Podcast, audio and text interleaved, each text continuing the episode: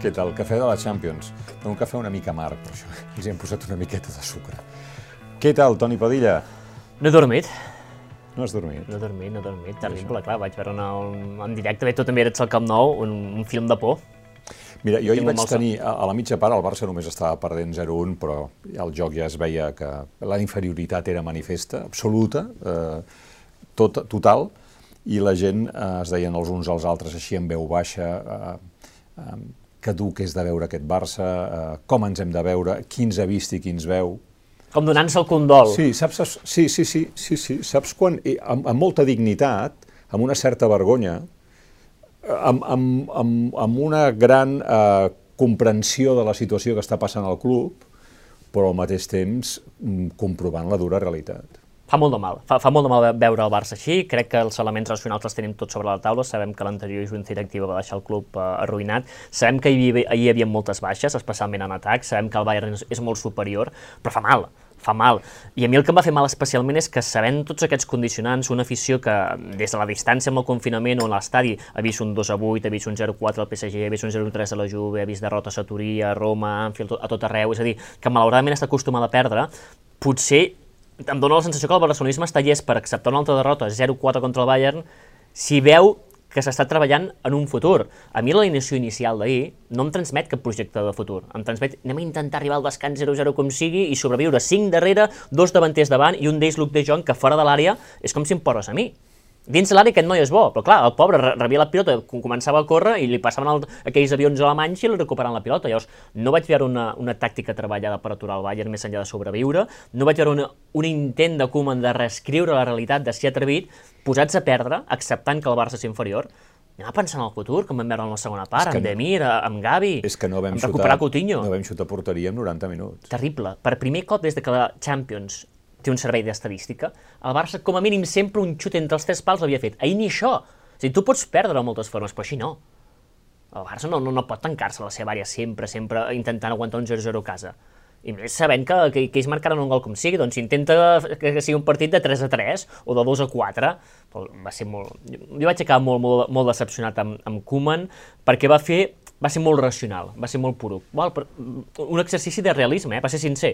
Som el que som, és lo que hi ha, la, la Sí, paraula que la ella es deia, tothom deia, Piqué és lo que hi sí. Bueno, és el que hi ha fins que no intentis canviar-ho. I, I oi que hi ha jugadors joves que semblen que, que volen revolucionar les coses, no els facis sortir amb el 0-2 i dona'ls l'oportunitat des del començament, empodera'ls. Ja. Um, això té alguna solució? És a dir, que el Barça no és el favorit per la Champions ja es veu. No sé què podrà fer a les competicions espanyoles.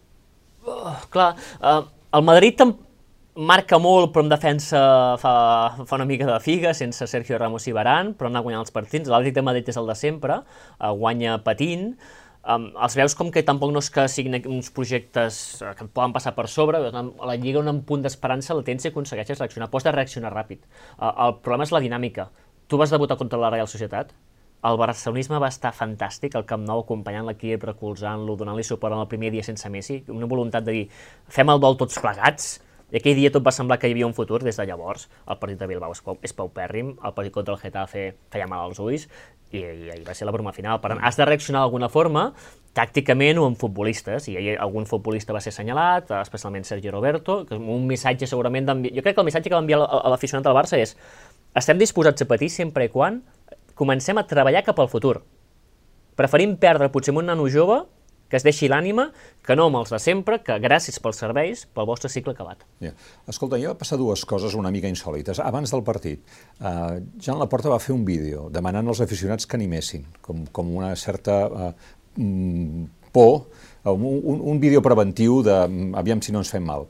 I al final del partit eh, he sentit que eh, es va quedar parlant amb directius a la llotja fins a les tantes de la Les dues. matinada? Fins a les dues de la matinada? Fins a les dues de la matinada, amb Mateu Alemany, director de l'àrea de futbol, i el Rafael Juste, el vicepresident esportiu, es van quedar. No és normal que et quedis 3 hores després del partit entre setmana.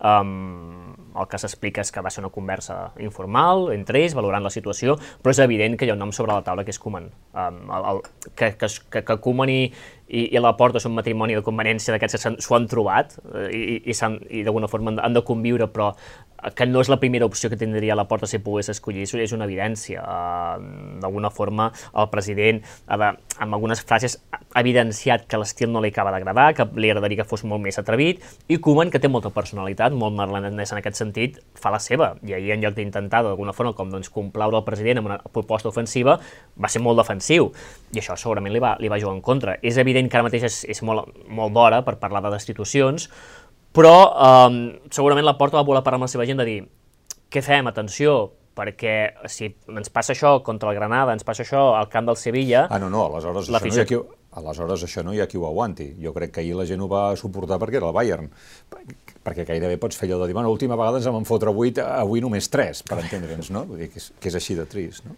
Sí, és, um, estan imaginant escenaris, perquè al final el, el, el que es necessita és mantenir viva la flama de la il·lusió. I quina il·lusió et queda després d'un mercat de fitxatges que va ser un altre bany de realitat? El Barça, Bartomeu el va deixar arruïnat i, per tant, en lloc de poder fer grans incorporacions, has de vendre futbolistes o, o alliberar salari. Va ser un primer bany de realitat, el del Bayern va ser un altre.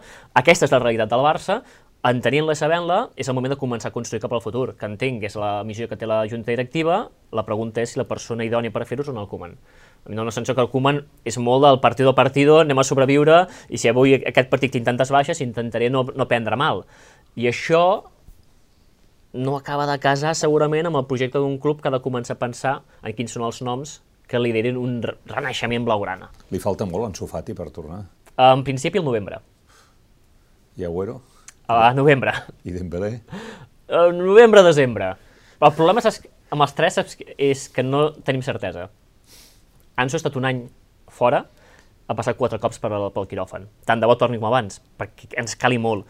El Kun, els, els darrers dos anys en Pep Guardiola, moltes lesions, i Usman Dembélé el mateix. Si els tres estan bé, el Barça guanyarà títols. Però...